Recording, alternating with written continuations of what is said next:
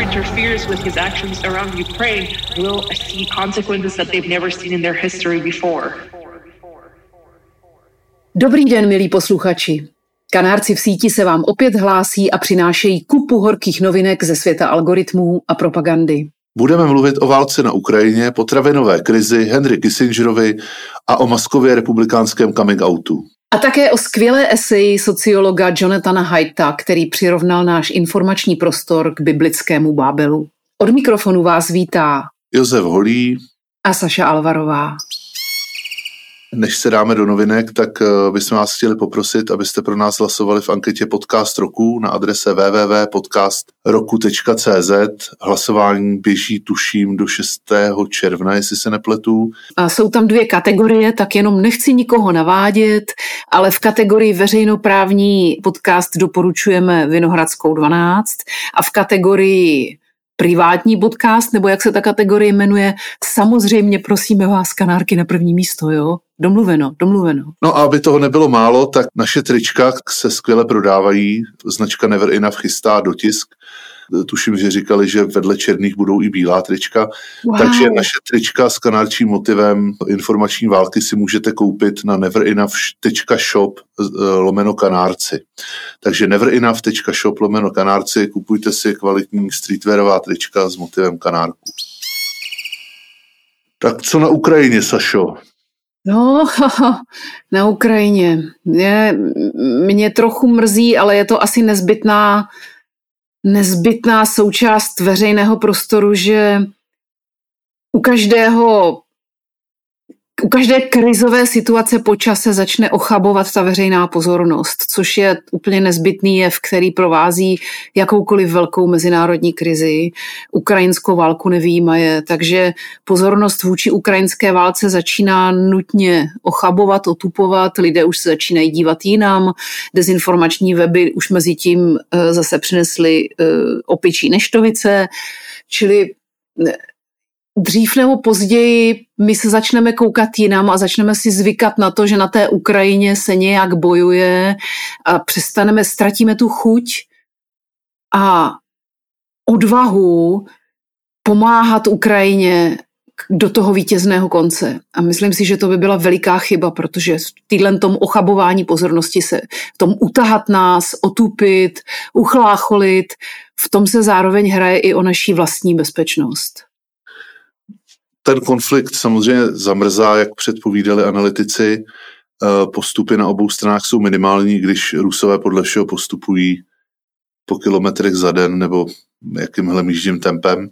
Ukrajina dal bojuje velice hrdině, ale začalo se mluvit o něčem, o čem my jsme mluvili už v minulých dílech, kdy díky tomu, jak to zamrzne, tak ono je samozřejmě těžké porazit eh, Rusko, to znamená vyhnat co by to znamenalo porazit Rusko? Vyhnat je z Ukrajiny do uh, vlastně za hranice, které platily před rokem 2014. To znamená... Přesně tak, to je jediný možný a správný řešení. Jako není, všechno další založí na dlouhodobou chybu. Nemůžete postavit budoucnost západního bloku na ochotě vyjednávat s nejhorším světovým gangstrem, protože jinak se se zlou potážem. Takhle jsme to dělali celá léta a Západ to dělal celá léta. A výsledek je, že teď má rozežraný ústavní a informační systém zevnitř a má dost svých vlastních problémů, aby vůbec udržel svou vlastní demokracii. A tohle to se nám bude dít opakovaně, dokud ty Rusy neporazíme a neodkážeme je do jejich vlastních mezí. A zároveň se ale v tom informačním prostoru objevilo téma, ale je poměrně dost významný a upozorňují na něj už analytici a šéf světového programu uh, Spojených národů uh, David Beasley, který samozřejmě u sebe na Twitteru varuje před světovým hladem. My už jsme mluvili o tom, že Rusové drží pšenici, minule jsme říkali, že Rusové ukradli nějaký miliony tun pšenice a kuřice. Je tam problém ten, že na Ukrajině jsou, Rusové blokují teda uh, přístavy v Oděse a že vlastně ukrajinský sípky jsou plný a bylo by potřeba to o tom teď odvést, aby se to potom mohlo naplnit úrodou, která by měla byť v omezené míře díky válce, ale stále by měla prostě do těch sípek přijít jako letos v létě. Mimochodem četla jsem někde, že organizovaný zločin pas, pašuje tu ukradenou pšenici přes Turecko do Afriky. To je samozřejmě. A, handluje, tam s těma, handluje tam s těma warlordama. Samozřejmě, Rusko je mafi, mafiánský stát, takže oni si cesty, jak, jak to propašovat, najdou. Ale problém je ten teda, že to samozřejmě vede ke zvýšení cen těchto komodit a David Beasley říká, že eh, vlastně 25% zemí světových, 25% zemí na světě závisí na Rusku a Ukrajině, protože zároveň oh. Rusko je vývozce, z více než 50% eh, svých dodávek tady toho typu proteinů vlastně. Takže uh, říká, že 43 zemí prostě přímo, bude přímo zasažený. To ale znamená, že to Rusové takhle plánovali. Ono je otázka, jestli to plánovali, protože takový ty ty uniklý zprávy z té FSB, jak byly publikovaný před dvouma měsícema, takový ty srdcerivný dopisy toho, mm-hmm. který psal, že je celou dobu nikdo neposlouchal, že oni fejkovali ty uh, vlastně svoje analytické zprávy, protože si mysleli, že je to jenom jako byrokratická nutnost je psát a že to vypadá, že se na základě toho rozpoutala ta válka, tak ten analytik zároveň tady v těch zprávách psal, že hrozí teda jako ten, ten světový hladomor, tak teď už o tom mluví i šéf World Food Program uh, United Nations, ten David Beasley. O tomhle scénáři mluví můj kdysi oblíbený autor thrilleru Frederick Forsyth a hned ve dvou knihách o potravinové krizi způsobený přerušením dodávek z Ukrajiny a z Ruska a zakomponovává to tam do děje, kde, kde je vlastně to součást jakýhosi plánu malevolentního. A je zajímavý, že ta kniha je už 20 let stará. Tak to třeba Forsyth předpověděl. Každopádně David Beasley říká, že hrozí, že bude 200 milionů lidí celosvětově vlastně ohroženo hladomorem a že vlastně data ukazují, že desetkrát více lidí ze, ze střední a jižní Ameriky teď zvažuje emigraci do Spojených států, než to třeba bylo před rokem nebo před dvouma. On tomu dokonce říká perfect storm, jako perfektní bouře, kdy ono už došlo jako vlastně k narušení dodavatelských řetězců, ke zvýšení cen eh, prostě různých komodit a, a, a energií a tak dále, i díky covidu a teď ještě... A taky na... díky olejářský lobby, která v kartelových dohodách světových prostě tlačí ceny energií nahoru tak, aby stoupaly i potraviny. Takže, takže vlastně tady to je perfect storm, kdy, kdy, jak jsme říkali minulý nebo před minulým dílem, že možná to Putinovi opravdu bude stačit vysedět, mm-hmm. protože prostě porazit ho je těžký, On mm-hmm. pořád jako zbraní má dost. Lidí má taky dost, který může obětovat. Nás mnogo, takže lidí má dost, tak to je taky pravda. A my tam taky budeme posílat zbraně a teď ono to bude takhle zamrzlý. A což jako já s vámi naprosto souhlasím s tím, co jste říkala. Je, ideální by bylo jako Putina vyhnat. Jo. Ale bohužel ten tlak, který, to je ještě taky zajímavý, jo. my to bereme jako, že to je pomalu světová válka na té Ukrajině, což mm-hmm. jako je to do jistý míry narušení. Pro nás ano geopolitický ale jedná se o ten třetí svět, jo, prostě Afrika, Ázie, zbytek Ázie, Čínu necháme na straně, Indie a tak dále, tak ty se na to koukají jako na lokální konflikt, kterých hmm. oni mají prostě mraky a měli jich mraky za posledních 30 let.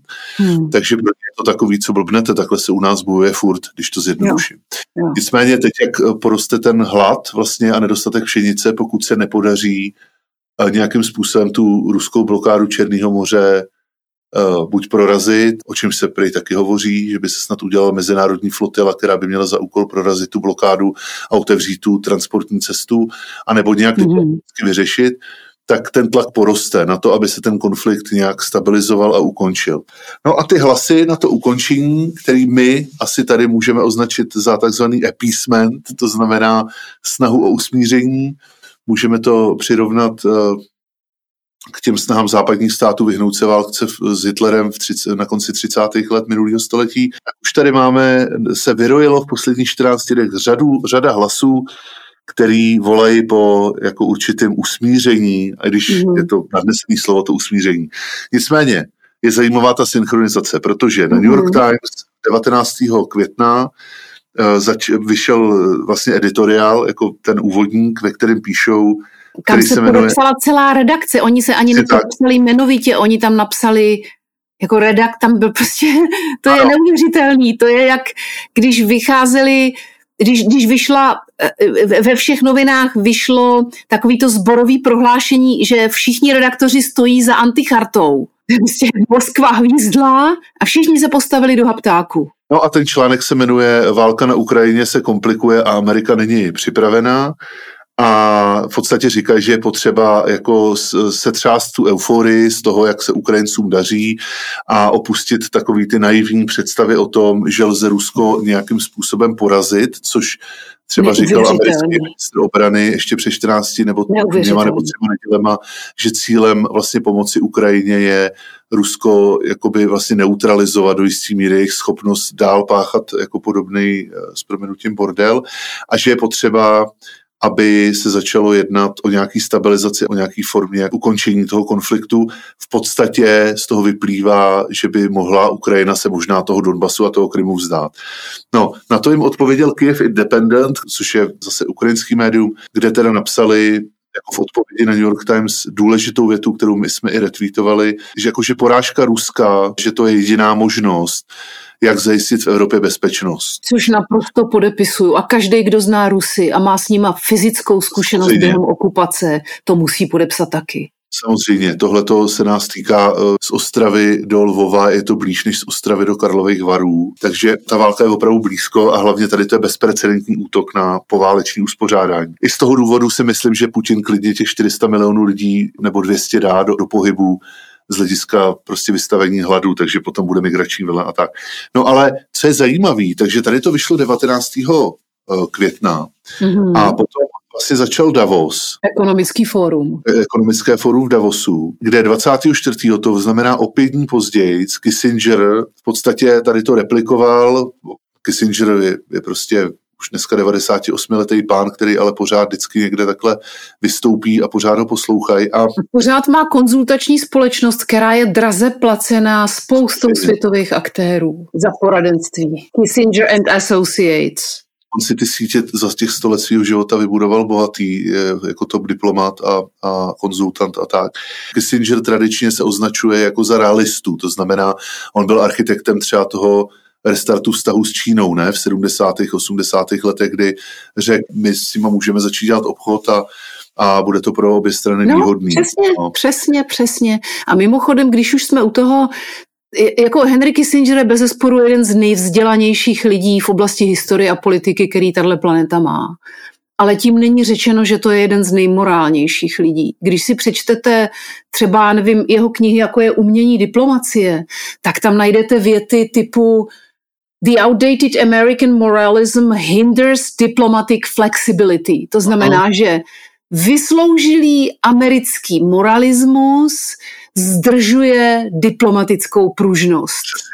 To je, to je přesně to, co u nás říkal Klaus Zemanem, když se snažili že dělat tu, ekono, tu ekonomickou diplomaci a v podstatě zavrhnout moralismus, ten zastaralý moralismus Václava Havla.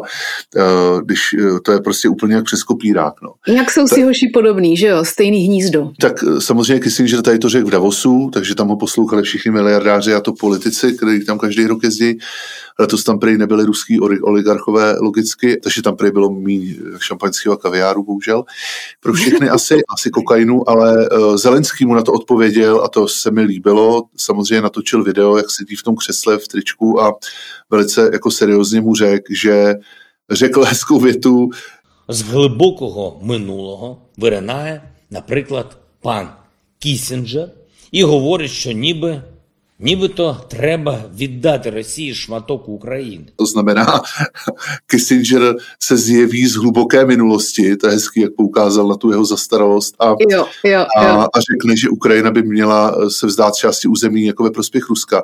A potom, co se mi líbilo, takže Zelenský v odpovědi na Kissingera řekl, že Kissinger nežije v roce 22, ale v roce 1938. Таке враження, що у пана Кісінджера на календарі не 2022 рік, а 1938. І він думав, що говорить за аудиторією не в Давосі, а в тодішньому Мюнхені. kdy v podstatě došlo k podpisu Míchovské dohody, takže Zelenský použil takzvanou to naše národní trauma té takzvané mm. Míchovské zrady jako, jako v odpovědi na, na Kissingera, takže, takže to bylo zajímavé. Velice přesně, protože Kissingerova rodina utíkala před nacisty. Ale celý život Henryho Kissingera byl poznamenán obdivem k autokratům a spolupráci s nimi. Celá jeho diplomatická kariéra. On neuznával malé národy, On vybudoval americkou diplomatickou školu, respektive její část, na vyjednávání s velkými diktátory. Jo? Prostě velký hráč je relevantní hráč. Co, kdo se bude starat o to, co ty malí? V podstatě vyznává ten imperiální řád někdy z 19. století, že jo, kdy máte ty sféry vlivu a máte legitimní požadavky na sféru vlivu. Přesně to znamená, tak. že on zastává, Kissinger si v podstatě myslí, nebo říká, že Rusko jakožto velký národ, takže má nárok na jako sféru vlivu v Evropě. To znamená i na nás. Takže Jasně, fakt, ano, to je implicitně to tež. Jo. A, a, a ještě, ještě jedna věc, co je zajímavé, takže mimochodem Kissinger je starý Putinův známý. Jo. Ono se o tom mluvilo, já jsem si to dohledal, Putin ještě v 90. letech. Putin dělal náměstka uh, starostovi Petrohradu, než... Jasně, no tak ta, Putin se dostal do, Petr, do Petrohradu přes svý mafiánský kamarády, protože byl jako bývalý uh, KGBák nezaměstnaný dlouhou dobu a živil se jako taxikář a mafie, jeho kámoši z mafie, konkrétně ze Soloncevský, ještě jedný to jméno jsem zapomněla, mu dohodili job u Petrohradského starosty Sobčaka. No a on, když dělal u Sobčaka, tak Kissinger tam samozřejmě v rámci, jak jste říkala o té konzultační firmě, tak Kissinger tam dělal se Sobčakem business, založili něco, čemu se říkalo Kissinger Sobčak Commission, nějaká Kissingerova Sobčakova komise, která měla pomoct severo... dojemné. No, no, no, to je dojemný. Severozápadní té části Ruska, kde je teda Petrohrad, tak prostě to mělo nějak pomoct, mělo to pomoct asi s transformací. No a Putin tam se o Kissingera staral, když tam Kissinger jezdil. A hezká story, taková osobní je, že se ho Kissinger jednou zeptal, jaká jeho minulost, jako odkaď jako pochází a Putin mu řekl, že pochází z, jako ze zahraniční rozvědky a Kissinger mu na to řekl, že všichni nejlepší lidé pochází ze zahraniční rozvědky. Protože no, to Kissinger, je krásný. Souzení duší. Souzení duší byl agentuře. Kissinger samozřejmě pracoval po válce eh, v Německu v rámci zahraniční rozvědky. No a potom se setkávali v podstatě nesčetněkrát, hovoří se asi o 20 případech, kdy dokonce v roce 2012 jsem koukal, že byl článek, kde Putin o Kissingerovi mluví jako o svém příteli. Čili nenechte se mást, eh, to, že je to bývalý ministr zahraničí Ameriky někdy z před 60 lety nebo 50, tak to neznamená, že bude o dobro demokracie. Prostě snaží se, pokud má takovou konzultační firmu, tak se snaží zajistit biznis pro ty korporace, které teď nemůžou s Ruskem dělat prostě biznis. Tak, přesně. No, tím jsme to uvedli do kontextu, že prachy nesmrdí, že? Tak, jak to říkal ten mafián americký, eh, když chtěl prát prachy, tak se rozhodl, že začne vyvážet v Chicagu odpad, ne? A Al Capone a ostatní se mu smáli, že se hrabe s proměnutím v hovnech. Jo. A on se jich zeptal, když se podívám tady na ty zelený dolary, tak uh, jako nesmrděj. To je naprosto přesná metafora, ano, takhle to je. A jak dneska někdo psal uh, v nějaký eseji, eh, když se podíváte na to, co oni říkají v té propagandistické televizi, na tom Russia One, nebo jak se to jmenuje, takový ty mluvící hlavy, jak mm-hmm. tam mhm. vždycky ukazují, za jak dlouho doletí jaderní zbraně na Paříž a tak, tak ty tam jako mluví běžně o tom, že chtějí útočit na Evropu, že jak dlouho by, bylo, jak dlouho by jim sebralo zabrat balský státy, Polsko a tak dále. To, že toho nejsou schopni jedna věc, ale prostě ta, jako ta agenda je jasná. Jasně, a hlavně, jasně. hlavně uh, když si to vemete, my už jsme tady o tom taky asi mluvili, jo, ale to, co Putin udělal, tak on opravdu jako vzal a hoď, zmuchlal a hodil do koše Eh, v podstatě pováleční geopolitický uspořádání mm. globální, kdy oni sedí v Radě bezpečnosti, mají být jedni z garantů toho řádu, to znamená, že by vlastně pokud by někdo jiný zautočil na nějakou zemi, tak Rada bezpečnosti by to odsoudila a potom se dohodla na nějaký společný akci. Absolutně se vůbec při těch konferencích po druhé světovce ne, jako nepočítalo s tím, že jeden tady z těch architektů, jeden z těch vítězných mocností by se mohl stát tím agresorem. A mm. oni se tím stali.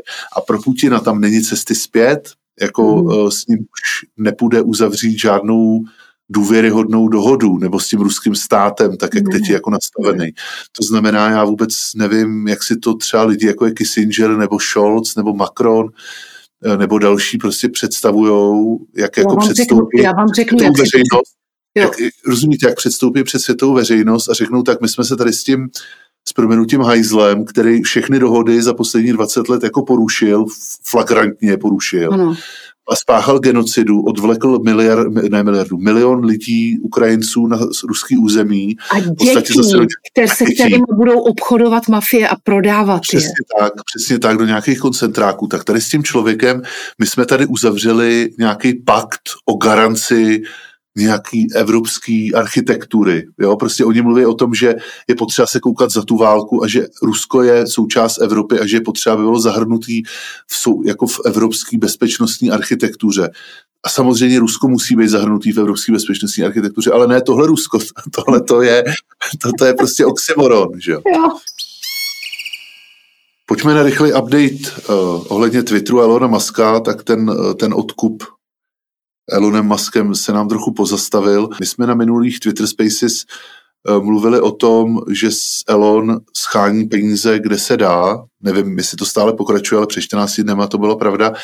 A co je zajímavé, takže tam měl uh, saudský peníze. Saudi vlastně uh, teďko uh, už jako akcie Twitteru, ale jako na burze a rádi by v tom pokračovali, takže by tam měli miliardu pořád. Oni nejdřív nechtěli vůbec o tom slyšet, že by Elon Musk to mohl koupit a potom se s ním domluvili a řekli, že to je exciting, vzrušující jako, jako jo, budoucnost. Jo. Já si myslím, že to byl od začátku, že to byla od prince Kostiřeza taková... Kdo je princ Kostiřez pro naše posluchače. No, princ Muhammad byl Sa- bin Salman al-Saud celým jménem.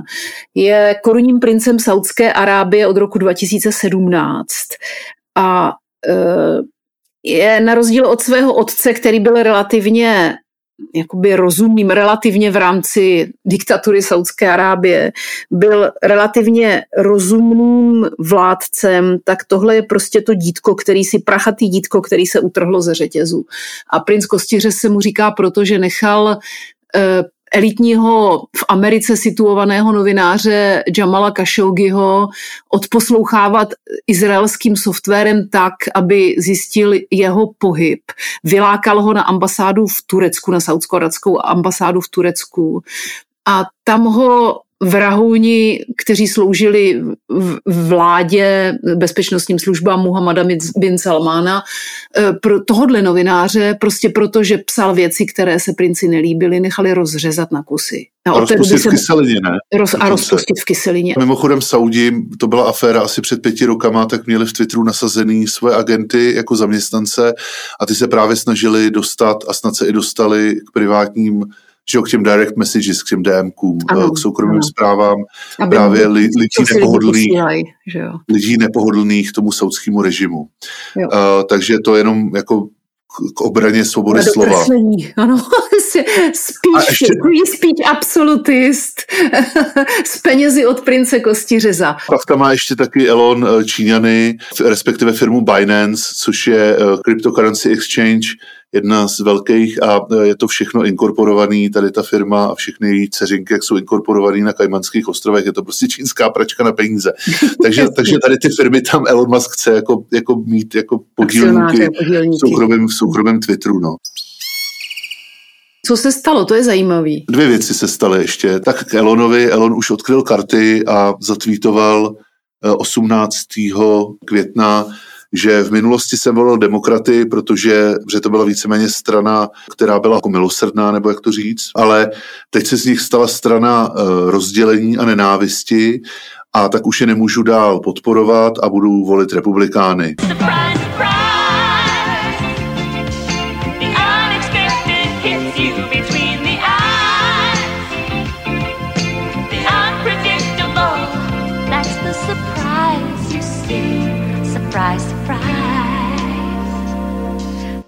No a aby do toho nebylo málo, tak Twitter dostal teď zrovna snad tenhle týden pokutu 150 milionů uh, dolarů od amerického regulátora za to, že mezi lety 2013 až 2019 eh, vlastně neoprávněně zneužívali eh, data uživatelů, telefonní čísla a e-maily.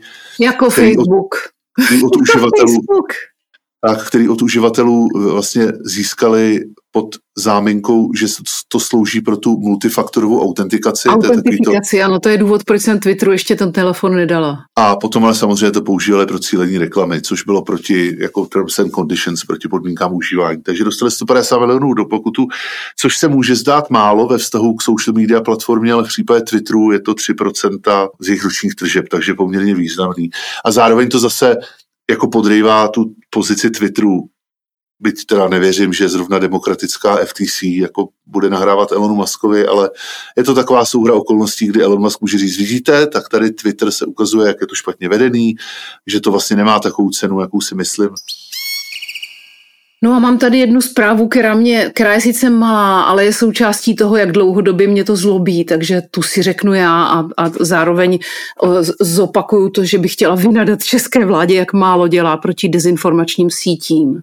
Před třemi měsíci vyzvalo Združení CZ NIC, které vyplo ty dezinformační weby, respektive nějaké odstranilo z těch domén, vyzvalo kabinet, aby našel pro podobné situace legislativní oporu. Vláda neudělala nic, nechala je ty weby vypnout, oni se mezi tím, protože dezinformace nejsou statická, ale dynamická operace, tak se mezi tím přesunuli jinam a získali zase zpátky svoje starý publikum. Nedělo se vůbec nic a protože vláda nic neudělala, tak Teď se mluví o nějaké práci na nějakých návrzích a správce České národní domény se proto rozhodl, že už nebude dál blokovat osm dezinformačních webů, pokud nedostane výslovný příkaz od soudu nebo od policie, což je z jeho strany správný postup, ale ta liknavost české vlády je naprosto trestuhodná. Já nevím, jestli si to uvědomujete, dámy a pánové, kteří teď reprezentujete vládu téhle země, ale bezpečnostní situace vypadá asi takhle. Buď dezinformační networky nebo vy jeden z vás to nepřežije. My jsme o té blokaci mluvili hned po invazi na Ukrajinu a taky jsme říkali, že vlastně na investigaci CZ ze Šlerka uveřejnil analýzu, kde ukázal přesně, jak jste říkala, že řada těch dezinformačních webů, které se přesunuly na jiné domény, takže získala zpátky svoji návštěvnost před invazí, vlastně dosáhly stejných čísel zpátky. No, takže dezinformační weby znova pojedou a zase budou plnit eh, mailboxy. Našich penzistů, kteří dorazí k volbám jako jeden muž. A o čem dezinformační weby tento týden nebo v, to, v poslední době mluví, tak uh, elfové uveřejnili zase svůj tradiční report 26.5., kde eh, monitorují teda Aeronet, Novou republiku, parlamentní listy proti proud Sputnik a Zvědavec. A samozřejmě se to všechno točí okolo Ukrajiny, okolo vlády, podporuje se Rusko, alternativní média a boj s cenzurou. A témata jsou celkem jako, jako stabilní, by se dalo říct. Jedná se o obhajobu ruské agrese, srovnávání vlastně té agrese s kroky USA, to je tradiční narrativ, kdy no. se to přirovnává k bombardování Jugoslávie. Ano, ano tak v Americe taky byl černochy, tak tady v tom případě jde o bombardování Jugoslávie. Západ je samozřejmě ten, kdo nese vinu za válku a samozřejmě taky Západ nese vinu za nastupující energetickou a migrační krizi a Ukrajina je, dalo by se říct, proxy bojiště pro eh, vlastně USA nebo NATO a třeba Česká republika a další země, to znamená ty menší země, na kterých eh, ani Putinovi, ani Kissingerovi, jak jsme říkali, nezáleží, tak my jsme vazalové USA. To, Tohle to mimochodem se vyskytuje v těch dezinformačních webech a v řetězových mailech dlouhodobě, kdy se mluví o členech NATO jako o vazalech. Ale to používala už komunistická propaganda v 80. letech. Všichni známe jeho jméno historií, nebudíš pochváleno kolem huby, met nám mazal, Ameriky pázal. No, protože to je ta perspektiva, že, jo? že vy nemůžete mít jako nějaký partnerství, máte prostě... Ale to je sovětská optika, oni nic jiného neznají, oni si neumí představit. Slovo partner je pro ně něco, co nemá obsah, protože v Zero Sum Game ve hře s, s nulovým součtem taková věc neexistuje. V domácí politice útoky na představitele vlády, to je prostě už, řekněme, kolorit, kdy samozřejmě vláda se stará především o Ukrajince, ale a ne o české občany. Zároveň s tím, jak se vyskytlo pár stovek těch rumských Ukrajinců nejasným občanstvím na hlavním nádraží, tak se tam snaží roztáčet i takovou tu rasistickou linku a teď je poměrně nový hit, že posiluje ten narrativ toho, že ty imigranti, to znamená Ukrajinci, že nám se donesou nemoci. Jo? A, a předehra k opičím neštovicím. Ano, HIV, tuberkulóza žloutenka. Ono s tím HIV je to zajímavé, protože tohleto a ty biologické zbraně, tak ono to Rusové vlastně umí, že protože oni v 80. letech měli tu operaci infekce. Ne, kdy to, se... to byla jejich nejúspěšnější předdigitální dezinformační operace všech dob. Ano, já ji dávám do přednášek taky, kdy, oni, kdy jim se podařilo přes obskurní indický prá, plátek, eh, který se jmenoval Patriot Magazine nebo jak, který založila v Indii KGB v 60. letech, tak v 83. tam uveřejnili článek, že, že, že HIV má laboratorní původ a že pochází ze CIA, což za tři, o tři roky později v 86. převzala agentura TAS a rozšířila to do světa. A zajímavé je, že Rand Corporation ještě v roce 2005, to znamená po 20 letech, dělala výzkum mezi americkými černochy a asi 12% z nich si myslelo, že HIV eh, vymyslela CIA a, a jako genocidu na černožské no, obyvatele. Oni totiž na tu operaci měli 6 let a oni postupně implantovali, než to převzala TAS, tak ona ještě mezi tím Vlastně netěsně poté, co to převzala TAS, tak tu in, informační operaci začali tím, že ji rozšířili v Africe. Ano. A Afrika tohle to strašně milovala, protože proti americký narrativ, jo, to bylo něco, a proti, či, proti černožský narrativ. Takže tam se to strašně dobře chytlo a tam tuď už potom stačilo najít jenom dva užiteční idioty, jednoho ve východním Německu, biologa Jakoba Segala a jednoho ve Velké Británii, to byl nějaký lékař. A stačilo pár měsíců a přeskočilo to jako oheň do médií ve Spojených státech. No, čili oni tady tu, tady tu uh, biologickou linku umí. No a další narrativ tak je, že samozřejmě vláda je kritizována za cenzuru, cenzuru svobodných médií a odlišných názorů. Tak... No oni se asi bojí, že ta vláda s tím začne něco dělat, tak už preventivně řvou o cenzuře, protože tušejí, že by mohli tak mít Tak oni zakázaný dva měsíce nebo jak dlouho, no. tak to se jim nelíbilo, tak teď už snad budou spokojení. No a samozřejmě posledním hitem je taky přihláška Švédska a Finska do NATO. Švédové a Finové podali teda přihlášku a rozšiřování NATO je, je prezentováno jako nebezpečná a iracionální a NATO je samozřejmě útočná aliance, která má za cíl zničit Rusko.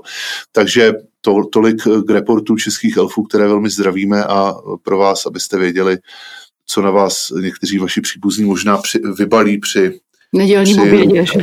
Pěknou sobotu, dobrou chuť, pokud zrovna obědváte. Máme tady krásnou. No co je. A kdo chce knedlík, může knedlík, a kdo chce rýži, rýži, může rýži. Dobrou chuť. Dobrou chuť.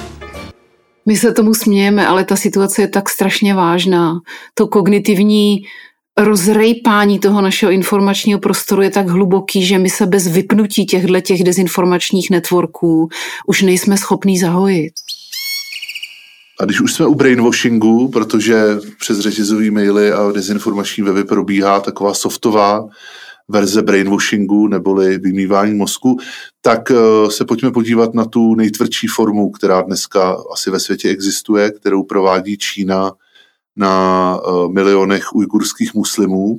V plynulém týdnu eh, majoritní světová média, jako je BBC a další, uveřejnili dokumenty a fotografie a reportáž eh, na nich založenou, které se říká Xinjiang Police Files. Xinjiang je ta provincie, kde žijí Ujgurové v severozápadní Číně, jestli se nepletu. A v podstatě, co se stalo, tak je, že neznámý hacker někdy na, na začátku letošního roku předal eh, výzkumníkovi Adrianu Zenzovi který se dlouhodobě zabývá právě eh, jako porušováním lidských práv v Číně, hlavně ve vztahu k ujgurské menšině muslimské, tak eh, neznámý hacker tady tomu výzkumníkovi předal poměrně velkou, velké množství materiálů, které dostal z interních policejních systémů čínské vlády, wow. což, je docela, což je docela zajímavý, protože jedna z nevýhod autokracie nebo totality je, že všechno dokonale dokumentuje, proto my dneska máme ty archivy STB a proto se podařilo prokázat nacistické zločiny a i proto eh, teď vlastně unikly tady ty materiály. Ty materiály čítají, obsahují 2500 obrázků vězňů, řadu dokumentů, přepisů, rozhovorů, projevů klíčových čínských funkcionářů ve vztahu k ujgurské menšině a v podstatě z toho vyplývá to, o čem už se ví x let, ale jenom to prostě dostalo další kontury a barvy. To znamená, čínská totalitní komunistická vláda provádí v podstatě kulturní genocidu na muslimské menšině, kdy za sebe menší přestupek Eh, například za to, že žena nosí šátek, tak lidé dostávají 10 až 25 let za, jako za terorismus. Jsou umistováni do eh, takzvaných reedukačních nebo přeškolovacích táborů, kde jsou vystavováni v podstatě mučení, spánkové deprivaci a neustále jsou jim v podstatě prezentována jako čínská doktrína. To znamená, hraje jim to z reproduktorů, musí prostě plnit úkoly, musí psát eseje, musí číst knížky, povídat si o tom s dozorci, dochází tam k šikaně, znásilňování a tak dále. Prostě je to v podstatě koncentrák a po nějaký době o tam teď ty lidi jsou propuštěni a potom jdou do pracovních táborů, kde pracují velice často pro některé západní korporace v rámci eh, dodavatelských řetězců, ale důležité je, že ty lidi zapomenou na svou identitu a zapomenou v podstatě na to, že jsou muslimové. To znamená, dojde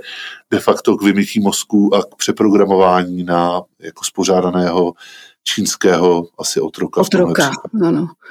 S tím, že děti jsou jim odebírány a zavírány do státních internátů na převýchovu, stejně jako se to dělalo za Hitlera nebo za Stalina. Přesně tak. A stejně jako to teď Rusové dělají, dělají na Ukrajině. Přesně, na zabraných územích. Tam třeba v těch dokumentech, mimo teda těch fotek a toho různých projevů, jako i poměrně vysokých funkcionářů, kteří říkají, jak by se s tou menšinou mělo zacházet a opravdu jako jdou potom hodně tvrdě, tak tam jsou třeba i jako procesní dokumenty, protokoly, které popisují, jak se mají ty uh, tábory chránit, že tam mají být prostě ozbrojení, ozbrojení prostě příslušníci policie, um, jsou tam uh, plánky rozmístění jako kulometních hnízd a, a, a snajperských stanovišť na, na hlídkovících věžích a tak dále.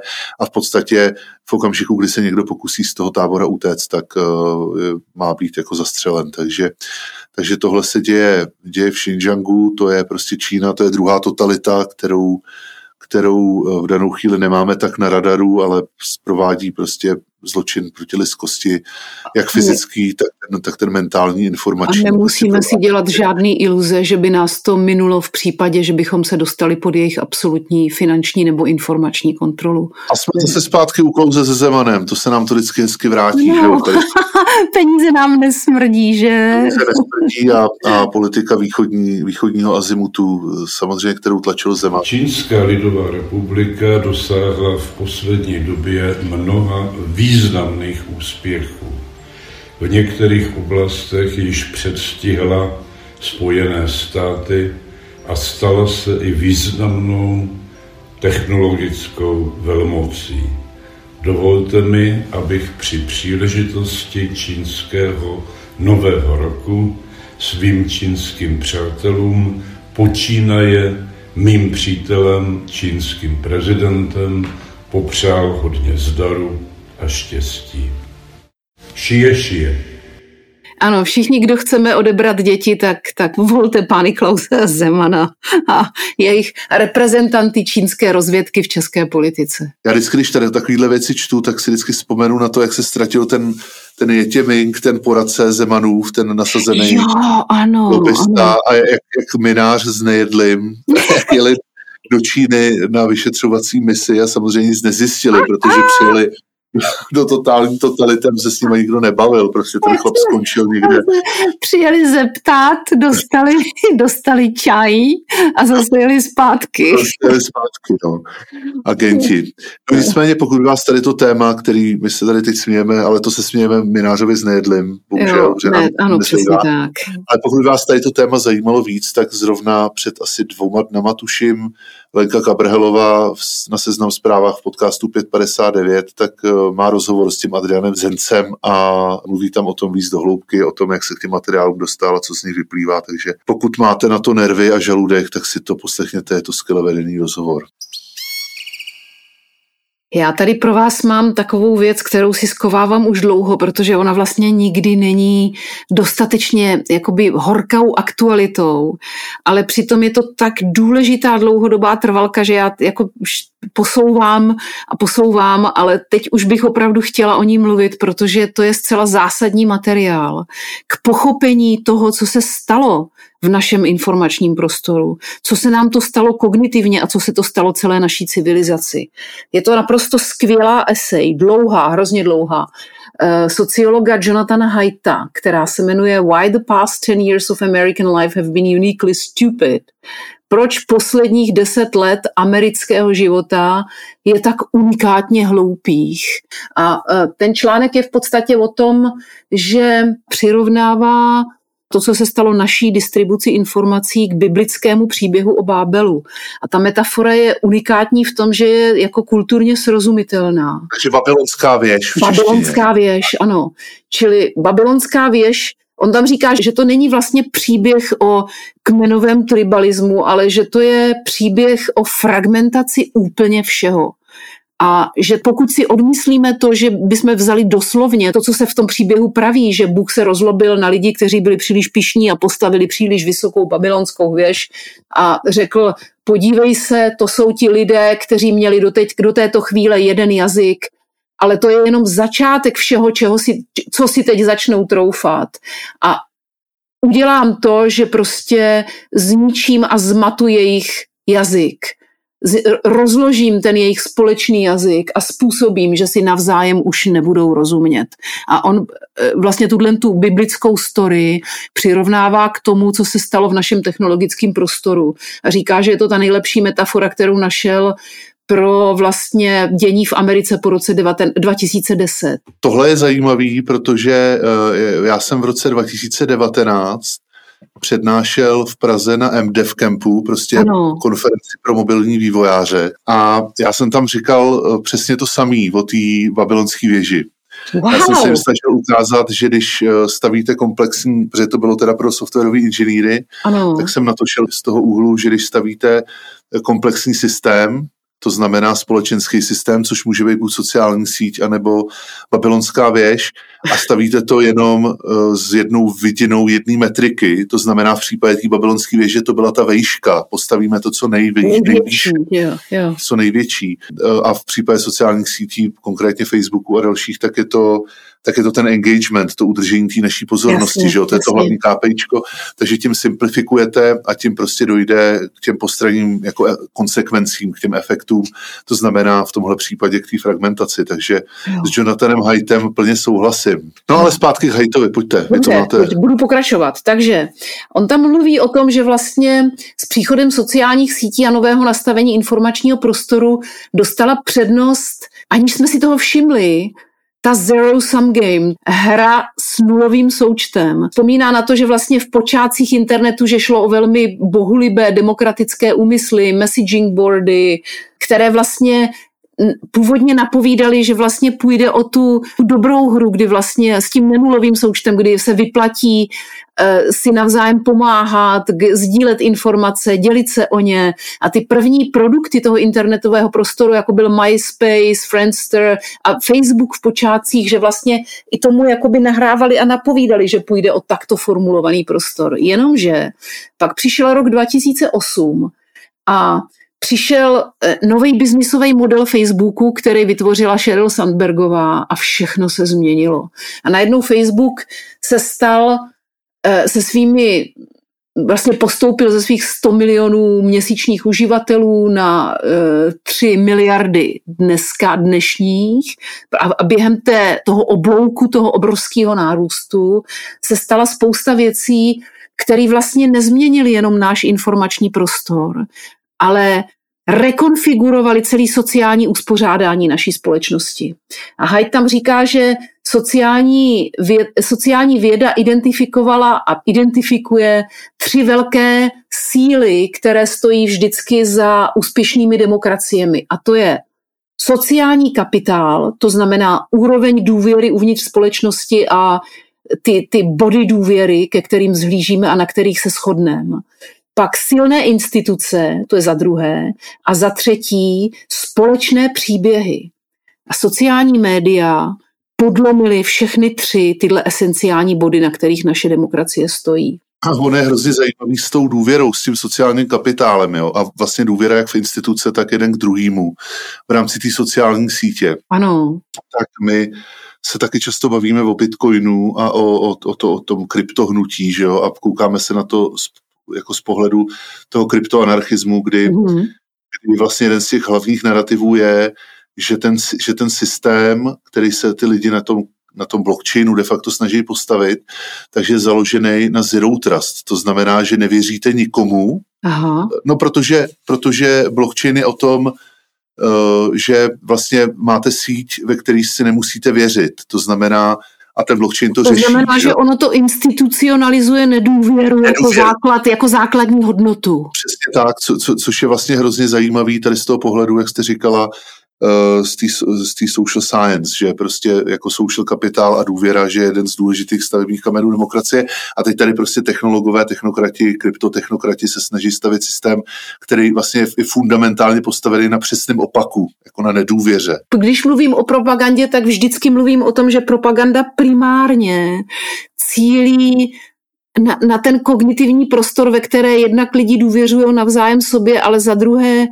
ve kterým jsou schopní se prostě spolehnout na to, že příběhy, které si mezi sebou sdílejí o realitě, jsou pravdivý, že, že, jakoby, že, naš, že ta historie, kterou sdílíme, je pravdivě interpretována, že naše vnímání vlády a zprávy společného prostoru je pravdivě interpretováno. A propaganda nedělá nic jiného, než že se tuto důvěru v informační autoritu, v instituce, ve vládu pokouší, pokouší rozstřelit na tisíc kousků, tak aby už nešla slepit. A tady je najednou systém, který pracuje s nedůvěrou jako se základní hodnotou lidského společenství. Což se dá těžko asi postavit, ale, ale k té důvěře, jak on tam říká, tak ten social kapitál z instituce a, a ty sdílené příběhy, tak se podařilo jakoby rozbít nebo oslabit všechny tři tady ty. Že jo. Máte vlastně široký spektrum institucí, nejenom těch tradičních, ale vlastně nových, to znamená influencerů, který můžete věřit. Mm-hmm. Social kapitál, tak, tak uh, už v té síti si jakoby nevěříme, protože tam nějakým způsobem dochází k polarizaci, jak zavírání do určitých jako bublin a tak dále. A potom, a díky tomu plyne to, že si potom v těch jednotlivých částech té sítě povídáme různý příběhy. A co to znamená ten příběh? Tak to je ta epistemická krize, kdy to je nějaký prostě výklad reality, že? kdy, jak jsme tady mluvili o dezinformacích a dezinformačních webech a řetězákách, tak ty lidi, kteří tomu podlehnou, a objektivně jsou lidi, kteří tomu podlehnou, to není žádná konspirační teorie, jak říkám, prostě na mě se obracejí lidi, několik lidí týdně, nebo po přednášce vždycky přijde pár lidí, kteří tímto velmi zdravím všechny, kdo se takhle na mě obrátila, já jsem jim samozřejmě nemohl moc pomoct, tak říkají, že prostě jejich příbuzní se zbláznili, tak, tak to je přesně ono, že jo? to je no. prostě jako změna změna eh, vůbec jako systému poznání reality. Opírají se o jiný druhy institucí, eh, mají nedůvěru k tomu, k čemu máme důvěru. Mají přeprogramované hodnoty úplně. No. Přeprogramované hodnoty a na základě těch hodnot si potom vykládají úplně jiný stories. A tady to vlastně je jenom jeden ty lidi, co podlehnou dezinformací, tak to je jenom jedna bublina. Pak máme jako haldu jiných různých bublin. Že? A v Americe jsou to pravičáci, levičáci, pro abortion, anti-abortion. U nás to může být proti uprchlíkům, prostě proti Romům, pro Romy, pro uprchlíky. Eh, na různých tématech prostě se nám to takhle hezky fragmentuje a už se nekoukáme na tu jednu televizi všichni jeden večer. Hmm. Už tam nedochází k tomu, jak už jsme to možná říkali, jak to napsal ten Chomsky v 80. letech v té knížce manufacturing consent, to znamená vytváření konsenzu, což měla být obžaloba kapitalistického systému. On jako to psal jako obžalobu toho korporátního kapitalismu no, amerického. tak se jim to teď podařilo rozbít, no. Tak teď může být rád který školí lidi v to, aby šli do práce, vzali si hypotéku a potom vydělávali peníze na to, aby si koupili věci, které nepotřebují, aby oslednili lidi, na kterých jim nezáleží. Tak tady to byla vlastně ta, ta, celý ten systém gatekeepers a tak dále, který on jako obžaloval tady v té knížce, tak ale paradoxně to držel, že jo? Dneska, dneska to nedrží, dneska to máte fragmentovaný. Ještě mě napadlo k tomu sociálnímu kapitálu, že vlastně tady se vyvinula úplně nová, nový systém distribuce sociálního kapitálu. Ano. Že my jsme dneska dopamínově, díky facebookovým algoritmům jsme dneska dopamínově odměňovaný za exhibici. A to tam ten Hyde taky píše v té eseji, že vlastně eh, dřív že my místo, co bychom byli odměňovaní za spolupráci a za sdílení informací, tak jsme odměňovaní za exhibici bez ohledu na kvalitu a správnost anebo jakýkoliv jiný atributy té informace. Co, se, co rozhoduje je jenom to, jak rychle se ta informace rozšíří a vzhledem k nastavení sociálních sítí, tak jediný, jediné, co rozhoduje o rychlosti šíření, je v podstatě ta outrage, to znamená, jestli to obsahuje hněv anebo strach. A my jsme odměňovaní za šíření hněvivých a strachuplných informací a tím získáváme sociální kapitál a jsme navykaný na to, že máme každý den svoji dávku odměny, čím se úplně přeprogramují naše hodnoty. Nám už nezáleží na tom, abychom spolupracovali, nám záleží na tom, abychom každý den dostali svoji, svoje lízátko uprostřed kmene. To, to, to je hrozně zajímavý, protože s okolností jsem teď poslouchal nějaký Wall Street Journal uh, podcast, kde se vraceli ke GameStopu. Pamatujete si na GameStop? Pamatuju, je, je, teď jsme o tom dělali jeden díl. Ano, no, jak jsme se bavili, to bylo loni na jaře, někdy tak únor, březen. To byla ta aféra, kdy se lidi na fórech na Redditu domluvili, že začnou kupovat v podstatě bezcenné akcie prodejce videoher GameStop a tím vlastně dostali do nesnází Melvin Capital a další, který spekulovali na pokles těch akcí. Tak tady se tady nastala kolektivní akce přes eh, aplikaci Robinhood, lidi začali nakupovat prostě akcie určitý firmy, když to nedávalo obchodně smysl. A co je zajímavé, tak tady v tom Wall Street Journal podcastu tak byl příběh influencera, který mm. vlastně na YouTube který na YouTube informuje uh, a dává investiční rady de facto. Jo? Snaží se zvýšit finanční gramotnost svých jako sledujících a, a radit jim, do čeho mají investovat. Takovýchhle influencerů je samozřejmě YouTube plný, některý z nich jsou velmi legitimní, ale zase došlo k určitý fragmentaci té autority, kdy prostě dřív jste měli na Ale tu legitimitu dneska už vytváří jenom počet těch sdílení, jenom přesně, ten, přesně. jo, a co, co, co je tam zajímavé? Jako ne kvalita, verifikace a impact na reálný život. Jediný, co dneska vytváří legitimitu a co je vlastně zdrojem novodobí legitimity moci, je počet lajků. Ale ta, tady u těch... Sociální sítě drží klíč vlastně k nový re- rekonfiguraci legitimity a tím bořejí naše staré ústavní systémy. Na druhou stranu tady u těch influencerů, jako tady ty finanční, teda zrovna co jsem chtěl říct, tak je, eh, tak tam mají zpětnou vazbu, že jo? protože ty lidi, když, když by radili těm lidem špatně, tak ty lidi jim to tam potom dají sežrat a nebudou je sledovat. Nicméně ten příběh byl právě o tom dopaminu, jo? Mm. protože eh, ten influencer říkal, že loňský rok 2021 že byl jeho nejúspěšnější rok, že vydělal 20 milionů dolarů, mm-hmm. ten člověk, nějaký mladý kluk, asi 25 prostě, a, a že, a že vlastně, ale že, že se tam stala jedna hrozně důležitá věc, respektive dvě, mělo to jako dvě fáze teďko, až do dneška, kdy do roku 2021 se snažil radit prostě tradiční akcie, jo, nějaký indexy a prostě další věci. A potom nastal GameStop a on viděl, že to ty jeho, a tady ta meme stock movement se tomu Aha. říká, to znamená investice do, do těch akcí, které si jenom lidi na internetu řeknou, že to je dobrý, tak do toho jdeme všichni, tak jako jo. do krypta. Prostě sexy a. No, no, no, sexy memetika, tak on, aby vlastně zůstal v tom biznise, tak uh, to začal jako tady na té vlně, tak se na ní svést, nějak se mu zdvojnásobili asi o několik milionů, prostě se mu zdvojnásobili jako sledující na, na YouTube, takže vydělal hodně peněz. No ale když potom teď ke konci roku loňského a na začátku letošního začal vidět problémy s inflací, tak začal lidi varovat, že bude inflace a že prostě nastane odvliv kapitálu z těch trhů a tak dále, což se stalo, že jo, evidentně. A lidi, a teď to je zajímavý, no. lidi ho přestali sledovat, on s každým takovým videem, kde už nebyl, kde už nejel ten hype, kde už nejel to lidi pojďte a jdeme kupovat. Jo, a tady začal jo. racionálně, protože tomu jako věří, že ty lidi má informovat vlastně. Jasně, On je vlastně ano. ještě relativně etický, jo, jo. plus minus.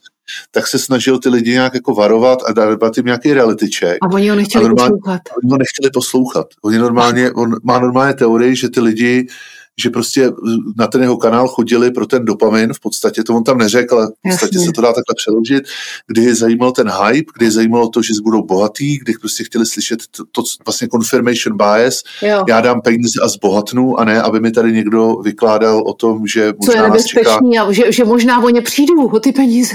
Přesně tak, přesně tak, takže letošní rok zase bude jeho jako daleko méně úspěšný, než byl před tím hypem. Tak jo. tohle jenom jako podporuje tu, nebo ukazuje na konkrétní case tady eh, tu dopaminovou zpětnou vazbu, jo? vůbec ten celý jako systém gamifikace emocí, který se tam točí, který prostě jedou přes, přes lajky. My se navzájem odměňujeme, ten, kdo dokáže vyprodukovat nejlepší dopamin, vlastně dopaminovou zpětnou vazbu pro ostatní, tak roste že jo, v, tom, v, tom, v tom ranking algoritmu, v tom, v tom scoringu a, a, a má to potom takovéhle parametry.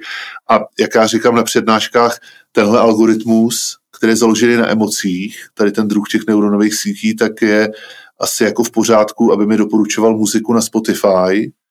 A mimochodem je to ten samý algoritmus, který mi doporučuje muziku na Spotify. Já teda teď mám Tidal, když jsem měl Spotify před, uh, uh, před, před nějakou před dobou. Rogenem. Tak, Joe ano. Tak, uh, tak, tak to je ten samý algoritmus, který mi doporučuje muziku na Spotify, jako ten, co doporučuje prostě ty investiční rady, jako nebo zprávy o pandemii nebo o volbách na, na Facebooku. Takže, hmm. takže to není v pořádku, že jo, potřebuje jiný algoritmus. Tohle, to, co jste teď říkal, kopíruje i ten technologický vývoj uvnitř těch dvou nejstarších sociálních sítích, to je Facebooku a Twitteru, kdy vlastně v roce 2009 došlo k zavedení tlačítka like a retweet. A v roce Aha. 2012 přišel tuším Twitter s tím share buttonem a ten inženýr, který se podílel na tom vývoji toho tlačítka retweet, toho později hořce litoval a říkal, kdybych věděl, jaký sociální impact to bude mít, dali jsme čtyřletýmu dítěti nabitou zbraň. Kids with guns. Kids with guns. To je zajímavý, protože uh, o retweetu mluvila loni Francis Hogan, uh, že jo, ta whistleblowerka Facebooku, mm-hmm. Facebook Files, tomu jsme se věnovali loni v říjnu, nebo kdy to bylo. A ona říkala, ona potom jezdila po světě a třeba v Evropském parlamentu, když se jí ptali, tak co máme s tím dělat, s tím Facebookem, tak ona říká, čistě technicky by stačilo nebo by hodně pomohlo to vymzdat, protože ona na těch datech seděla a viděla ty data, kdyby se omezil ten retweet vlastně v případě Facebooku reshare. Jo. To znamená, že byste ten post mohl, že by mohl být třeba reshernutý jenom dvakrát. Jo. To znamená, já vydám post, vy ho šernete, ve vaší síti ho ještě lidi jako nazdílej a potom už tam a ten share button nebude. Ty lidi pořád ten post můžou jako vzít screenshot a shareovat, anebo můžou ho překopírovat, ale už tam máte tu frikci, už tam máte tu Jasně, práci. Už to ten čas, tu námahu. Už zpomalujete tu dopaminovou zpětnou vazbu, ten impuls, kdy prostě teď to je fakt jenom, že kliknete, odbouchnete to a, a, a běží a to dál do světa. No, no, a takhle to prostě se to exponenciálně šíří. Takže tím by se vlastně jakoby, jakoby přiškrtila ta exponenciála velmi výrazně. A on v té v tý, uh, esej ještě na konci mluví jakoby o řešeních, tak mm. mluví tam o několika, ale samozřejmě ty dvě, které mě zaujaly, tak jedno bylo posílení identity, kdy tam mluví o bankách, že když chcete mít účet v bance, tak je tam to Know Your Customer, KYOC, prostě politika.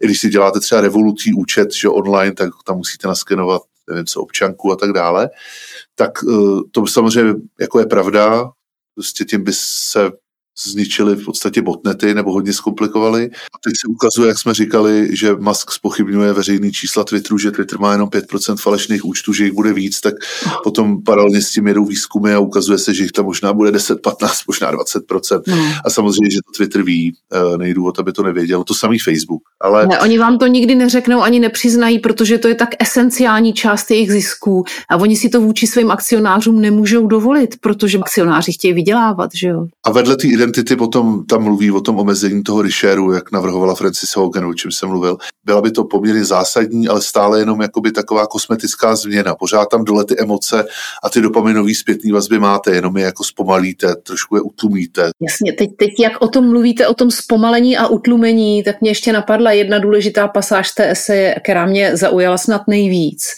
A to je jak on tam vlastně dává do vztahu s algoritmy sociálních sítí a jejich funkcionalitu s původními úmysly ústavy, americké ústavy. A Aha. píše tam, že jeden z tvůrců, otců zakladatelů americké ústavnosti James Madison eh, vlastně tím, jak, jak vlastně postavili tu ústavu, takže si byli velice dobře vědomí, jak náladovej a samonášlapnej může být někdy DAF. DAF je v podstatě jako pětiletý dítě a že právě proto kvůli téhle náladovosti, dětské náladovosti, té otcové zakladatelé vložili do ústavních mechanismů eh, jakoby procesy, které mají za úkol odstínit ty vládce trochu od nálady davů a všechno jakoby zpomalit a sklidnit, aby se na každý proces dostalo dost času na sklidnění těchto těch vášní. Jo. A sociální sítě tohle totálně odbourali a přemostili. Vlastně odbourali tyhle ty pojistky, takže každý politik teď během několika hodin dostane silnou dopamínovou vazbu na to, co udělá anebo silnou negativní trestní, jakoby tento trestní komando těch trolů, botů a nenávistných reakcí. Takže on je vlastně trestaný a odměňovaný online v reálném čase. To znamená, že linčující, zuřivej nebo, nebo štěstím opilej dáv je vlastně zdrojem okamžitý odměny jednání politika a to je úplně špatně. Vlastně politici, když, když to zjednoduším, tak politici hrajou hru tady v tom případě, kterou by vůbec politici hrát neměli. Že jo? To, to je populistická hra de facto. Samozřejmě zpomalení by bylo super a teoretici médií a politologové vlastně někteří říkají, že to, jak je ta demokracie pomalá, tak že to není bug, to znamená, že to není chyba, ale že to je feature, to znamená, že to je jako vlastně jako dobře, že to je přirozená. To záměr to je záměr. Na druhou stranu ta doba se od té doby, kdy Madison a další psali tu ústavu, tak se změnila, prostě hodně se vyvinula. Oni tenkrát měli koně a neměli ani ten telegraf ještě, že jo. No to je stejný a... problém se zbraněma, že jo, že nebyly, opa- nebyly zbraně opakovací, rychlopálné zbraně nebyly. Prostě ta doba se změnila a potřebujeme samozřejmě ty procesy spružnit a propojit a, a zrychlit a tak dále. No. A já mám na závěr takovou malou story, uh, že jsem jel v Uberu minulý týden. Mm-hmm. Jel jsem Uberem z koncertu Xaviera Baumaxi, což bylo super, v Lucerna mm-hmm. Music Baru. Tak pojď, Evo synkopy, step to them, to divi divi divi dam, s pilarkou si dám, synkopy, step to them, to divi skip div divi do pa pau, do styr def ti do fa fau, skip ti do pa pau, do styr def divi divi s pilarkou si dám. Kde jsem se potkal i s některými našimi příznivci, takže eh, je tímto velmi zdravím všechny a Zpátky jsem měl Uberem, protože samozřejmě koncert se protáhl a já jsem potom už se nemohl jak dostat na šestku. A vezl mě prostě řidič a nějak jsme si povídali, já se s těma lidma rád povídám, vždycky z nich mm. něco zajímavého dostal. A navíc vždycky doufám, že mi dají pak pět hvězdiček a že si tím pádem nepokazím tu reputaci, co tam v toho Uberu mám. Ale On tam říkal zajímavou věc, já jsem se ho ptal, jako jak je to teď s cenama a jestli teda Uber taky zdražil, protože mi přišlo, že je to nějaký dražší ta cesta. A on mi říkal, že prostě ta cesta, že ji určuje algoritmus, on teda nepoužil slovo algoritmus, ale že to je určený na základě poptávky, což je pravda, a že jako jinak nezdražili. A já jsem říkal, ano. ani o inflaci nezdražili, a on ne, nezdražili. A on potom říká, no, byly tady jako výzvy mezi těma řidičema, že bychom prostě třeba jako odmítli jezdit v nějaký moment a že by nás bylo hodně a tím bychom tu cenu jakoby zvýšili. Jo.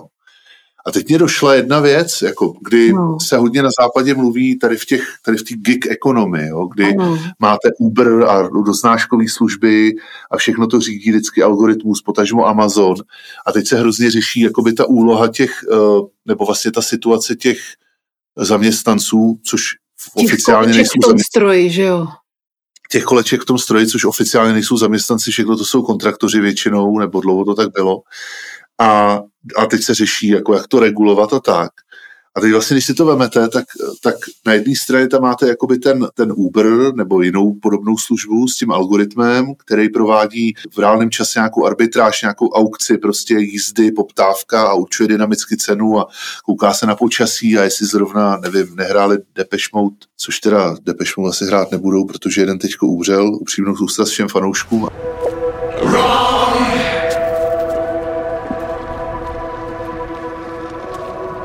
A teď potom tam máte na druhé straně tady ty jako vlastně nechráněný nezaměstnance, který jsou tomu daný na pospas. Švart systém, že jo. Švart systém. Ale co je důležitý, že vlastně oni nejsou schopní udělat jako dobrou kolektivní akci. A já jsem si vzpomněl, teď budu znít jak úplný levičák, jo, ale...